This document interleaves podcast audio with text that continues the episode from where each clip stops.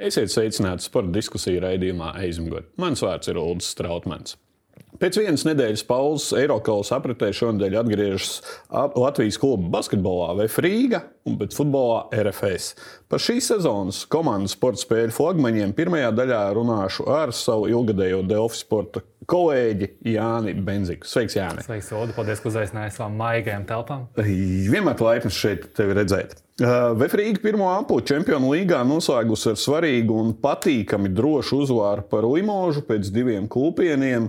Uh, var teikt, ka uh, ir atgūšies Vēfiņš. Tās pirmās divas spēles gan gribas uh, būt joprojām tādam piesardzīgam, bet Gona Kauzija pievienošanās bija acīm redzami ļoti vērtīga, jo viņš to spēli no, nobalansēja, spēle bija mierīgāka, nebija tikai traka Hamiltona driblēšana un kaut kāda trakas piespēles un traki metieni. Spēle bija tāda sakarīga, mierīga. Uh, uzreiz uh, Kristers Zorgs varēja spēlēt bez bumbas, un tas deva rezultātu, jo viņš varēja iemest 6 no 7 tālmetieniem.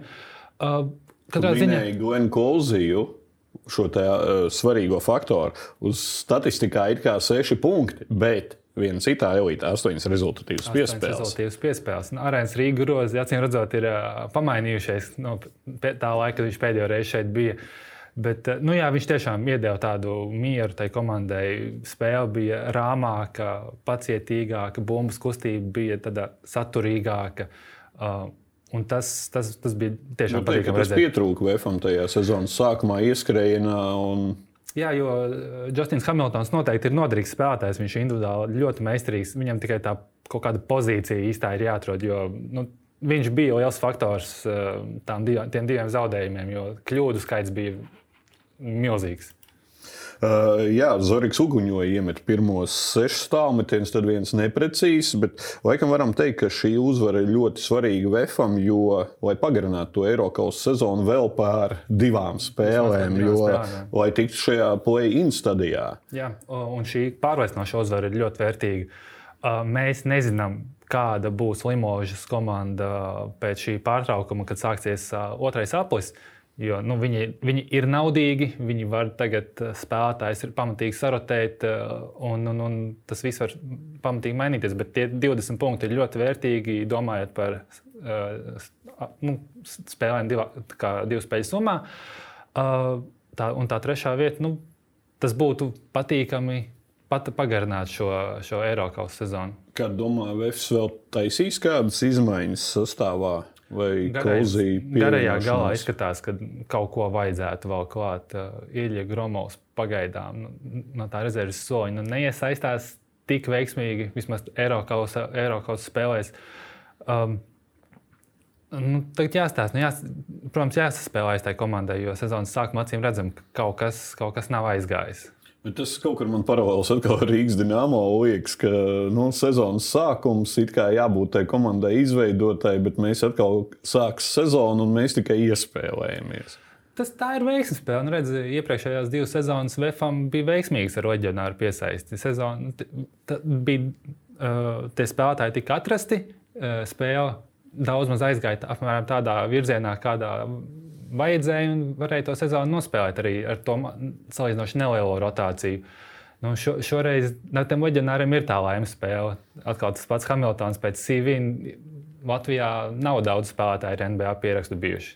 Mm, nu, tas, Eiropas, tas basketbols, gan, Eiropas basketbols ir citādāks, mentalitāte citādāka. Nu, tur nav tik viegli Var jau arī būt, ka VF šobrīd koncentrējas Eiropā, un paskatāmies tagad kopvērtējumā uh, Latvijas-Igaunijas līgā, mm -hmm. kur atrodas VF 8. vieta.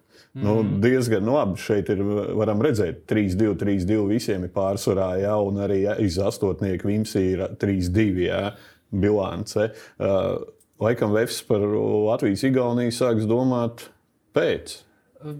Noteikti arī šajā laikā viss sakārtosies, lēnām tas, tas čempionāts ieskriesies. Un, nu, uh, promotējs un VF un Tallinas uh, komandas noteikti ir tas, kas augšgalā dzīvosies. Uh, tur mēs varam šobrīd to tabulu pārāk neieciklēties. Tas viens zaudējums Lietpājai šo Vefam to tabulu nedaudz pamaina. Jo nu, Prometējai, Prometējai visticamāk tāpat būtu tas zaudējums. Tev bijis. varētu teikt, ka uh, interesants faktors šajā Latvijas-Igaunijas līgā būs cīņa, uh, kurš nepaliks astotais. Kurš nepaliks astotais un sezonas laikā būs interesanti paties, kurš uzvarēs Prometēju. Vai uzvarēs, jā. jā un, tā kā, uh, Otrs Eiropas klubs, RFS, šovakar aizvadīs spēli Edinburgā. Pilnīgi noteikti var teikt, ka tā būs viena no visu laiku apmeklētākajām klubu futbola spēlēm. Edinburgas Steinkasls parka stadionā gaidām apmēram 15,000 līdzjutēji. RFS ir jāpaņem ar emocijām un jābauda futbols. Laikam. Lielākais trumpis, nu, viņiem nav ko zaudēt. Man liekas, tieši kā izpaudīsies eh, RFS spēles baudīšana. jo tas, tas eh, pārsvars visās iepriekšējās spēlēs, kas ir bijis pretiniekiem, bumbas kontrolē, ir bijis nu, diezgan būtisks. Kā tā baudīšana varētu izpausties, ar prieku spēlēt aizsardzībā un gaidīt savas iespējas. Katrā ziņā RFS jebkurā gadījumā ir paveikuši milzīgu varoņu darbu, kvalificējoties, izcīnot divus punktus. Uh, Tas ir liels panākums un jācer, ka tas būs kā pamats tam, lai varētu būvēt kaut ko tālāk. Jā, pirmajā spēlē Rīgā izšķīra divas neveiksmīgas epizodes. Praktiski viena mm. neveiksmīga epizode, stūgļa roka kritienā un pendē uz RFS vārtiem, un otrs gols jau no nu, otru golu var neskaitīt tā kā apmēram hokeja, ka ir tukšos vārtos iesists. Ja? Uh, bet nu, kādas ir iespējas, jo mēs skatījāmies, ka RFS spēlē ļoti labi izbraukumā. Nu. Mm -hmm. Jā, jā, un uh, katrā ziņā nu, būtu būtu interesanti, ja RFS pret katru no pretiniekiem būtu paņēmuši kādu punktu. Kas, no Herca vēl paliek. No Herca vēl paliek tieši tā. Un Nu, jā, nu, tas, tas, es pieļauju, ka visās spēlēs pret RFS ir bijis tas, ka eh, viņi netiek īsti līdz galam novērtēti. Var, šos klubus arī var saprast. Nu, tie, tie budžeti un tas viss vēsturiskais fons tomēr uh, norāda uz to, kur ir pastarījuši un kur nav pastarījuši. Bet uh, es ar to sakot, es negribu nekādā veidā noniecināt RFS. Tas ir superīgi, ka mums ir Eiropas komanda, kas šo rudeni ir izdēļojusi Latvijas sportam. Bet, uh, Tas tikai parāda, ka mēs šobrīd esam tur, kur mēs esam, un cerams, ka tā trajektorija turpināsies uh, uz augšu. Uh, spēlēja Itālijā, spēlēja Turcijā, stadioni lieli, bet skatītāji nu, varēja būt vairāk. Mm. Šeit atkal tieši otrādi. Stadionā ir 20,000 vietas, un nu, būs lielākā daļa izpildīts. Mm, uh, domā, viņiem vēl kā aizdreb? Uh, RFS. Labs jautājums. Uh, katrā ziņā nu, tas būs spēle, ko viņi atcerēsies uh, uz, visu, uz visu mūžu. Un, uh, katrā ziņā arī prieks, ka ies Pāvils Steinbors spēle vārtos. Nu, viņš žēl, epizodēs visu laiku. Žēl, ka viņš nevarēja spēlēt šādus, šādus mačus gadus piecus atpakaļ, tikt varbūt vēl pie kāda sulīga līguma. Tagad droši vien Viss, kas viņu skauto, vispirms pamana viņa gadu. Jā, paskatīsimies RFS treneru Viktoru Morozu citātu. Pēc katras spēles, neatkarīgi no rezultātu, vajag pāris dienas, lai atjaunotos. Jā. Un tā ir problēma, jo šobrīd viņiem visu laiku ir jāspēlē. Viņi nespēja atjaunoties. Uh, un šī ir jauna pieredze ne tikai, treneri, ne tikai futbolistiem, bet arī treneriem. Jo neviens līdz šim nav bijis tādā situācijā, kad spēlētājiem septiņu mēnešu laikā ir apmēram 50 oficiālie mači. Jā. Laikam šis arī faktors ir jāņem vērā. Un, nu, protams, protams tas, tas, tas, ir, tas liels spēļu skaits. Ņemot vērā, ja ir liela starpība, vai jānospēlē ir viena, viena spēle nedēļā, vai arī kas sākas Eiropas un vēl izbraukumi, ceļojumi, un viss šis nāk. Nu, jā, un viņiem tagad vēl arī apskatāmies ātri kopvērtējumu Latvijā. Viņiem ir jādomā par trešās vietas nosargāšanu, jo zaudējums finālā Latvijas kausā Audei ir sarežģīta situācija, lai tiktu uz Eiropausiem nākamā sezonā. Jā, varētu pat teikt, ka uh, komanda, kas ir sagādājusi sensāciju, spēlējot Eiropasos, Latvijas čempionātos un Latvijas čempionātā Latvijas kausā, ir nu, uz tādas negluži izgāšanās robežas, bet nu, uz, nav, uz robežas, nepatīkamas robežas. Tas nav nekas, jā, kas viņus darītu priecīgus. Tieši par šo faktoru un arī to, ko Moros teica par 50 spēlēm, izturību, noturību. bet vairāk ne sportisko, bet par psiholoģisko un garīgo noturību runāsim jau aizmugures otrajā daļā. Paldies, Jāni, par pirmo daļu, un tiekamies ar tevi jau pēc mirkļa arī otrajā daļā.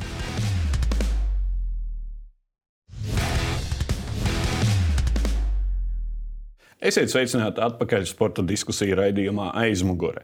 Sportā daudz ko izšķir ne tikai sportiskā vai komandas fiziskā un taktiskā sagatavotība. Liela nozīme ir arī psiholoģiskai noturībai, mentālai sagatavotībai.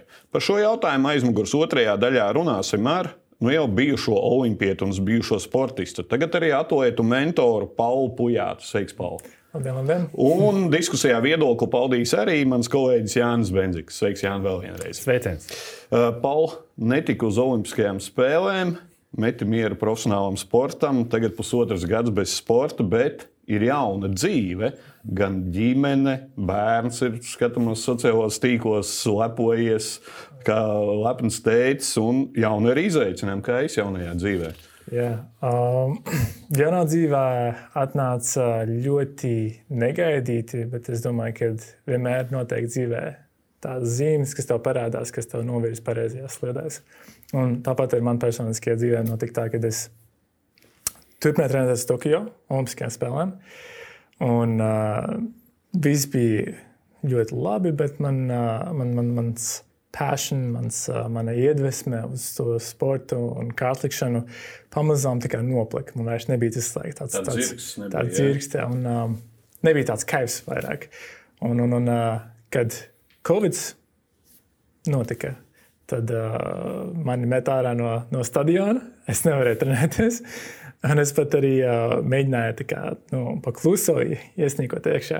Man tāpat izmet ārā. Man brālis ir uh, civil inženieris inženieris, un viņš pat uzbūvēja divstāvīgu celtni speciāli priekš kārtikšanas, lai varētu trenēties. Um, bet viens soli pēc, pēc otra man sanāca, kad atvērās ļoti daudz iespējas, lai es varētu sākt uh, savu biznesu, um, kas ir, ir um, priekš veselības uztvere. Um, tas ir joga, uh, Es nezinu, kā trigger point terapija, tas varētu strādāt uz speciāliem punktiem ķermenī, kā attaisīt savu ķermeni, atjaunot. Un, un kā es kā sportists man vajadzēja iemācīties, kā es varu atjaunot savu ķermeni. Un kopš, kopš 13 gadu vecuma jau sāku mācīties ar budistu mūkiem, ar, jogi, ar jogas pasniedzēju, kurš ir pār 30, 40 gadiem jau pieredzi. Un arī ar uh, grāmatas autoru, kas tieši strādā pie muskuļu attaisīšanas. Un tā zināšanas, es, paņēmu sev, kā sev atjaunot, un tad dalos tagad ar citiem cilvēkiem. Tagad esi pats kļuvis par to tādu mentoru, kā tev, starp citu, arī rītā piedalījies Latvijas pirmajā atlētu fórumā, un tev tieši prezentē šādu te kā atlētu mentors. Sociālajos tīklos tev rakstīts inspiration with motivation, iedvesma ar motivāciju. Kas tev pamudināja šo tieši šis Covid periods, vai jau pirms tam domāji? Es jau pirms tam biju sācis palīdzēt saviem, saviem atlētu draugiem. Tas bija par brīvu, vienkārši tāpēc, ka es gribēju viņai palīdzēt, un viņi, viņi nāca man jautāt tos jautājumus. Un tā tas ļoti organiski iegāja. Es liedāju, ka es varēju vienkārši viņai palīdzēt, un tas man ļoti naturāli padavās. Vēl nedaudz par tevi personīgi. Kādēļ izvēlējies dzīvi Amerikā un ar ģimeni tagad esi nobāzējies? Hmm. Um, nu, Pirmkārt, es domāju, kā jau visi zina, Amerikā ir iespēja zeme. tur tur viss sapnis, jā, sapnis, jā, amerikāņu sapnis man pamazām arī piebildās, par cik es esmu kārtlikšanu atmetis, atmetis pāris gadus atpakaļ, tas 20. gadā. Principā šo pēdējo divu gadu laikā es esmu savu kompāniju ļoti strauji uzbūvējis kopā ar savu sievu Lindu Pujāti. Un, un, uh, jā, um, tas, tas ļoti naturāli iegājās. Un, un uh, tagad viss, viss pamazām padodas vairāk un vairāk. Skaidrs. Jāni, mēs darbā daudz esam runājuši par Latvijas sportistiem, kuri kaut kādu psiholoģisku, emocionālu spiedienu rezultātā nu, nespēja kaut kur sasniegt sevi, pilnveidot līdz galam, kā mēs sakām, mūžīgi perspektīvie mhm. sportisti. Uh, kā tev liekas, Latvijas sportā šī psihologa un mentora šobrīd laikam nu, vēl nav novērtēta, un mēs kaut kur esam palikuši? Salīdzinot, piemēram, ar Paulu Ameriku tagad. Patiesībā sakot, grūti pateikt. Katrā, katrā gadījumā mēs nedzirdam, ši, kad publiski tiek par to runāts. Vai par to vajag runāt publiski, tas atkal ir kā kura cilvēka jautājums. Katrā ziņā nesen man bija intervija ar tenisistu Danielu Vismani, kur viņa stāstīja, ka viņa ir mentālais treneris, un uz ko viņa atbildēja, tas izklausās uh, pavisam krūti, jo nu, cilvēks ir sapratis, ka kaut kur kaut kas nestrādā, kaut kur vajag to noskaņošanos, uh, saņemšanos, un uh, nu, viņi, viņi strādā pie tā, lai neizrādītu savas emocijas kortā bija interesanti redzēt vienā no pēdējiem turnīriem, kur viņi nekādi nespēja vairs savaldīt savas emocijas kortā. Tas nozīmē, ka viņi acīm redzot, zina, ko, ka, tā, ka tā vajadzēja. Bet eh, nu, vismaz Latvijas lielākā mēroga zvaigznes nu, nav dzirdēts, ka viņi cītīgi pie tā strādā. Un kā pasaules piemēru, man liekas, teicams stāsts ir eh, Niko Rosbergs Formula 1, kad uh, Viņš ilgus gadus cīnījās ar Oļu Hamiltonu un nekādīgi netika. Vienmēr kaut kas nogāja greizi. Tad viņš vienu gadu sāk ilgāku laiku jau strādāja ar savu treneri uh, mentālo. Un vienā gadā, kad viņš atmeta visu noliku otrajā plānā un pievērsās uh, šim darbam ar treneru un pilnībai F1 karjerai, tad viņš to čempionu titulu tajā dramatiskajā cīņā izcīnīja. Tas tikai parāda, ka nu, tās nianses var nenormāli izšķirt. Kad tu tiec pāri kaut kādai barjerai, tad jau Jā. tu teiksim, atveries, bet svarīgākais ir tikt līdzi. Pauli piekrīt, zināmā mērā, ka sports psihologs ir kaut kāds nu, tabū. Latvijas sportā. Nu, vēl, vēl nesen to uzskatīja par tādu vājību, ja tev vajag psihologu, tur sagatavoties kaut kā, bet tomēr pasaulē un vispār laika mainās. Ko, kādas kopējās tendences par šo tēmu pasaules sportā tu esi? Es uh, domāju, ja cilvēki uzskata, ka tā ir vājība. Viņi nav, nav tajā, tajā vietā, kas ir, kas ir tas atlēts, kam viņš iet cauri. Jo ir, tas ir nu, amerikāņu kalniņi. Tur ir emocijas pilns ar, ar augšā, lejā, augšā, lejā. Es pats personīgi esmu izmantojis psihologu un, un, un pat hipnotistus divas reizes. Mm. Uh, bet personiski man viņi īsti nepalīdzēja kas man palīdzēja, um, bija īstenībā manu atlētu uh, kā, kopiena. Citi atlēti un man treneri, ka viņi man tic, viņi man atbalsta. Un tas ir kas ļoti, ļoti man iespaidoja mentāli, jo tas mani uh, iedvesmoja un, un, un padarīja mani drosmīgu un, un, un uh, atļāva man ticēt vēl vairāk savam, savām spējām. Mm, es pieļauju, ka arī cilvēki, kuri norāda uz to, ka tā varētu būt vājība, ir tā tās vecās skolas pārstāvi, kas ir uh, nesporto gadus 20, bet viņu neņem vērā, piemēram, faktori kā sociālajā mēdī, kas arī tagad ir nenormāls mhm. spiediens. Jeb, jebkuru zvaigzni, kura piedzīvo grūtāku brīdi, viņi taču tiek absolūti norakstīti tajā pašā Twitterī. Un, ja cilvēks kādā brīdī neiztur un paskatās to Twitter, kas tur notiek, no, sākot no mēmēm līdz absolūtiem aizvainojumiem, nu, tam ir jātiek pāri, lai cik tas spēcīgs būtu. Un arī, un arī šeit tieši sociālos tīklus minēja, nav jau tikai Twitterī ieraksti, ir arī šīs personīgās ziņas. Tev atnāk, mēs arī zinām arī par politikā kaut vai, ja? tev atnāk sociālos tīklos visādas rūpības un tā tālāk. Tad mm. sportistiem jau droši vien tas pats ir. Nu, Protams, nu, jo tagad jau mums ir baigi viegli komunicēt.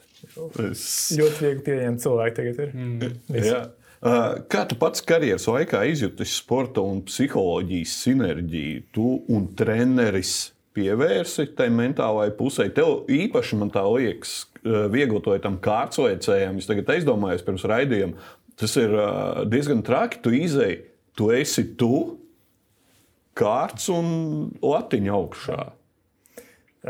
Ļoti mentāls sports. 80-90% ir mentalitāte. Iedomājieties, tev ir milzīgs stāps rokās.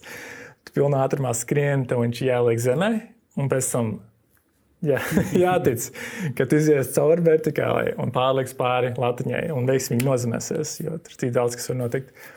Runājot par treneriem, man ir bijuši vairāk treneri. Un, godīgi sakot, pēc manas pieredzes, pat tas treneris, kurš nezina tik daudz tajā tehnikā, ja viņš tev tic, jā, taviem spēkiem. Pat ja viņš nezina tik daudz tajā tehnikā, viņš ir daudzreiz labāks treneris nekā tas, kurš apzinās, nu, zina ļoti labu tehniku, ir gājis tam pats cauri, bet nevar tevi iedvesmot kā cilvēku, kā atlētu un netic tev. Tas ir. Pēc manas pieredzes ļoti norakst no stūra. Cilvēks, kurš trenēs, ir tīpaši trenēs, jo viņš ir tev, tas cilvēks, kurš tev dod tās zināšanas, vai ir iedot to iedvesmu, to, ka viņš tev tic, šausmīgi svarīgi ir. Un, jā, Nu, tre, tas, tas trenerim ir jāpazīst arī cilvēks kā cilvēks, ko viņš dara arī ikdienā. Un kas notiek ģimenē, kas notiek, nezinu, skolā, darb, darbā, vienalga, jebkur. Tur ir ļoti lielai sinerģijai jābūt. Jo... Mentors. Viņš ir tiešām mentors, kas tev ved pāri caur, caur dzīvē. Kā daudzreiz saka, ka jābūt kā otram tēvam. Jā, jā. uh, jā, Latvijas sportistiem dzīvē ir daudz glājies pēc lieliskām karjerām, grūti iet tajā dzīvē, kas ir ārpus sporta. Nu, ir veiksmīgi, bet, diemžēl, ir arī bēdīgi. Laikam mēs vairāk Par tiem bēdīgiem mēs nezinām, bet mēs tikai redzam, ka sportisti ir nogājuši no skatuves, kuri kļuvuši par treneriem vai vēl asistentiem. Tā tālāk nu, ir ļoti maz. Uh, jāsāk domāt par šo duālo karjeru un zināmā mērā arī par psiholoģiju jau sportista pirmsākumos, tajos, kad tu kļūsi par lielo sportistu. Protams, un tas, tas jau ne tikai sportistiem attiecas, tas jau kopumā uz, uz dzīvi. Kopumā, nu, tā, ja mēs par sporta tēmu runājam, tad jau vienmēr ir pēdējos gados dzirdēts, kad domājot par izglītību, izmantojot iespējas braukt uz uh, koledžām. Uh, Latvijas basketbola līgā ir universitātes komandas, kas palīdz kaut kādu to starpposmu spērt un iegūt izglītību. Par to ir jādomā. Un, kas saka, nekad nevajag apstāties, nevajag beigt mācīties.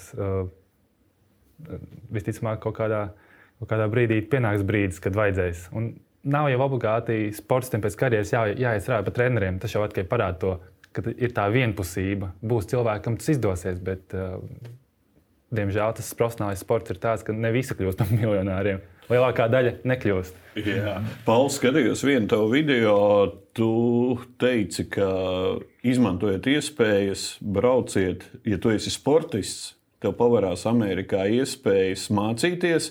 Pirmkārt, mācīties, otrkārt, ieg, saglabāsi naudu neizlietosi šo vecāku naudu, un arī savējo nebūs nekāda kredīta. Ja? Jā. Tas ir tas posms, ko tu ieteiktu Latvijas nu, talantīgiem nu, sportistiem, arī vieglotājiem, doties uz Ameriku, censties tikt. Es domāju, ne tikai Ameriku. Es domāju, var ceļot uz jebkuru citu pasaules daļu, kur te piedāvā nu, scholarship spons sponsoru uh, universitātē. Jo tā pieredze, kas man bijusi, tās zināšanas, ko es varbūt skolā, universitātē uh, ieguvu, varbūt nebija tik svarīgas kā man pieredze kā ar treneriem, ar, ar maniem uh, pusauģiem un uh, citām, citām um, um, biznesa uh, biznesa attīstībai, kā, kā skolā, es noteikti ieteiktu visiem doties tālāk un, un, un izbaudīt un, un, un, un censties. Man pirmais gads bija ļoti, ļoti grūts, uh, bet otrais, trešais gads bija superīgs. Tāpēc ir tāds tā kā, nu, pārējošs cikls, kad sākumā varbūt nav tik viegli, bet tu, tev, ir, tev ir jāiet tajā diskomfortā, jo tur tas ir tikai tas.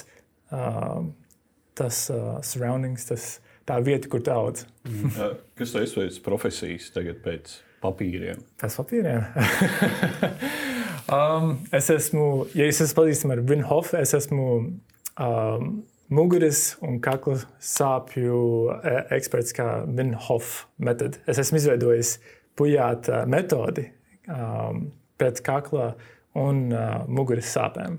Cilvēkiem, kuri, kuriem ir slikts uh, um, pozīcija, kā viņi sēž ar kupri, kas ļoti bieži ir cilvēkiem, kur ir uh, um, uh, injury. Uh, Traumas, jā, trauma. Jā. jā, un, un man arī uh, personiskais uh, stāsts ir, kāpēc es izvēlējos tieši iet uh, speciāli mugurai. Vienā, un kur arī īstenībā temats tieši mentālais aspekts, kad sacensībās, kad tu ej un tu koncentrējies uz kaut ko ja tev kaut mazāka doma, tīpaši kā atlikšanā, un jebkurā sportā veidā, ka tev ir jābūt ļoti nokoncentrētam, ja tev kaut mazākā doma piezagās, kā man universitātē, sacensībās, kad es ar bijušo draugu biju sastrīdējies. Tad es tev pilnībā izmetīšu no sliedēm. Un, uh, tur es dabūju arī savu um, injury, savu traumu mugurā. Uh, muguras trauma bija L4 diska trūce. Un Es domāju, kad man uztaisīja šo skanu mugurai, es domāju, ka mana karjera ir beigusies. Nu, tās bija jo liels sāpes bija paralizēts tā, ka es nevarēju pat pakustēties. Un pēc pāris mēnešiem es domāju, ka okay, um, man ir jāliek savas zināšanas, kuras es jau esmu iemācījies no, no iepriekšējiem gadiem, no, no, no budismu mūkiem, no elpošanas vingrinājumiem, no, no jogas, no trigger point terapijas, uh, visu kopā, un tad mugursāpes man pazuda. Un tāpēc es tagad esmu palīdzējis tūkstošiem cilvēkiem jau ar tieši manu tehniku, un viņi ir nosaukta pujāts metode. Unikāla Latvijas metode. Uh, Kā tu kā sporta arī mentors, psihologs Jānis minēja, Daniela Vīsmana, tenisists, kurai ir šis te, viņa ir mierīgais spēles stils. Ja? Mums ir Ernests Gulbis, Jeļena Stāpenko, kuri vienkārši izvērš, tur, ka neiet no rokas, tur ir raketas lidojušas un tā tālāk. Tas arī ir veids, šis te kā saņemties. Es, es uzskatu, ka katram ir savs veids, kā izvest iz, iznest savas emocijas. Bet viņām jābūt nokoncentrētām. Kur tieši viņas iet, tāpēc, ka viņas iet pa gaisu, tad tā enerģija arī iet pa gaisu. Man tas arī es, es, es to varbūt, tas varbūt nav nofilmēts. bet, bet aiz kadriem man arī kāds lidojas pa labi, kreisi no, no emociju viņu. Jo tāpēc, ka tajā, tajā brīdī tu nespēji, ja tu nespēji domāt, domāt ar savu prātu un, un tavu emocijas pārņemt, tad tu vairāk, vairāk nekontrolē savu prātu, nekontrolē savu ķermeni. Un, ja tas aiziet līdz tādam līmenim, tad tev jābūt kādam, kas tev var uh, būt kā mentors, tavs treneris, tavs, mm. tavs uh, tuvākais cilvēks, kurš tev pasaka, hei, tā nevajag darīt. Tas tev tikai sliktāk padara. Un jo vairāk tu baro to enerģiju, jo stiprāk viņi paliek. Bet šeit ir ļoti svarīgi, kāds ir tavs mentors, kāds ir tavs coach, kāds ir tavs treneris. Šiem individuāliem sportistiem laikam īpaši grūti ir, jo mm. viltojotiem treneris atrodas tur kaut kur, mm. un tu pat tālu. pavisam tālu tu nedrīkst aiziet pie viņa, jo tu nevari nekur pastaigāt. Mm. Jā. Tenisistiem labi, nu, tenisisti var nedrīkst teorētiski. Bet... Gribētu tas īstenībā dzirdēt, piemēram, Jeļens Penko to piegājienu vai viņas ar māmu ir vienojušās par to, ka māma vienkārši paņem visu to negatīvo uz sevi, lai viņi varētu brīvāk spēlēt. Bet ir tā, ka nu, tu esi tajā arēnā, nu, teiksim, kaut kādā olimpiskās spēlēs, tu, esi, tu jūties tajā brīdī pilnīgi viens. O, nē. um, man pēc personiskās pieredzes, kad es gāju Olimpiskajā stadionā, tas, tas ir bieži vien liels sacensību mērogs, bet Olimpiskās ir īpaši. Uh, tās sacensības, kur ļoti, ļoti maz procents vispār tiek uz pasaules. Un uh, saprotu, ka tu visu dzīvi trenējies, un, un beidzot es ticu tur. Man to bija grūti apvērt. Un, kad es biju, kad es gāju iekšā, iesaistīšanās stadionā, tad man ieslēdzās, ka, ok, tu esi ticis šeit, un tad tāda bauda, tāds, tāds gandarījums, un tad tu tiešām vari izbaudīt to. Tu atbrīvojies tajās Rio spēlēs, jo būsim atklāti. Neviens negaidīja tavu uh, iekļūšanu finālā. Nu, piekrīti, piekrīti. Hey, Bija arī neliels incidents, incidents bet jā, Tu, jā, bet eh, nu, runājot par sabiedrību, būsim atklāti. Nu, mums jau tas bija panākums, tu esi tur. Mm -hmm. Jā, absolūti. Uh, es domāju, tikt uz sacensībām, un šeit es gribētu pieminēt vienu mantru, ko es, ko es ieteiktu jebkuram atlētam, jebkuram cilvēkam īstenībā, jebkurā sfērā. Pirms es gāju gulēt, divus gadus atpakaļ, es katru reizi gāju uh, gulēt ar domu, ok, es kvalificēšos Olimpiskajām spēlēm un es vinēšu zeltu. Pat ja tas, tas tā latiņa ir tik augsta, um, ja tu, kad tu iedomājies to vēlēšanos, kad iedomājies to vizualizāciju, ja tu nebaidies no tā, viņi nav pietiekami augsti. Tāpēc uh, es domāju, jebkuram, un tas to mantru katru dienu atkārtoju. Es nevinēju zeltu, bet es tiku, uh, tiku uz Olimpiskajām spēlēm, kvalificējos un tiku arī finālā. So. Uh, vēl, viena, vēl viena lieta par psiholoģiju, sportu un tā tālāk, tā ir nauda. Uh, tas ir ļoti liels aspekts. Uh, mums ir vairāki jaunie futbolisti, 16, 15 gadīgi un tad arī 17 gadīgi. Viņiem saka, ka tūlītās mums būs savs Messi, Maradona un vēl kas ne tikai. Ja? Un viņi, diemžēl, tiek pie šīs slavas un pirmās, ne tik lielās naudas, bet pirmās normālās naudas, un viņi mm. kaut kur pazūd. Piekritīsi, ka nu, kaut kur mums arī šis jautājums Latvijā. Mm. Jā, jo mēs laikam esam tas mazais tirgus placītis, kur mēs ātri tiekam pie kaut kādas slavas, pie kaut kādas. Um, un te ir nu, to pamatu zem kājām, acīm redzot, ir ļoti viegli zaudēt. Un mums ir tik daudz gadījumu arī futbolos, hokejos, kur 11 gadnieki īpaši izceļas. Un tad sākas tas pakāpiens uz, uz profesionālo sportu. Un tas, un tas ir ļoti sarežģīts pakāpiens. Mm. Es pieļauju arī psiholoģiski, tagad uh, Latvija, tādam tīnim no Latvijas, piemēram, tikt A sērijas komandā. Es domāju, ka viņam tur būtu grūti, ja, pat ja Francijā Jānis Ikaunieks nebija, viņš vienkārši nebija gatavs tam atrasties tajā līmenī. Uh, kaut kādiem Argentīnas, uh, Brazīlijas spēlētājiem viņi tur ir izkolušies, un viņiem tie tīraņi atrodas daudz biežāk nekā mums. Mums tie tīraņi atrodas, bet viņi nav tam fiziski, psiholoģiski gatavi. Paul, uh, kā uzskati šis te?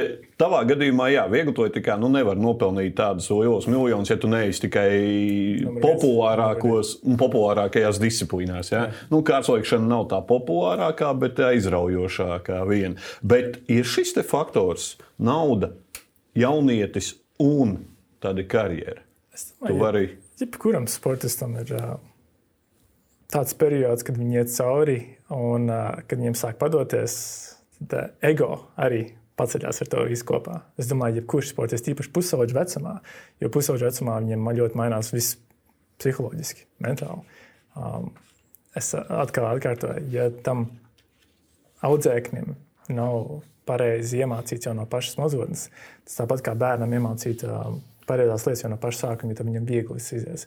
Kad tu esi pieaudzis un tu mēģini mainīt, vai tev kāds cits mēģina pamācīt, tas ir uh, daudzreiz grūtāk. Tāpat kā kad asfalts ir uh, svaigs, viņu viegli ir nolīdzināt.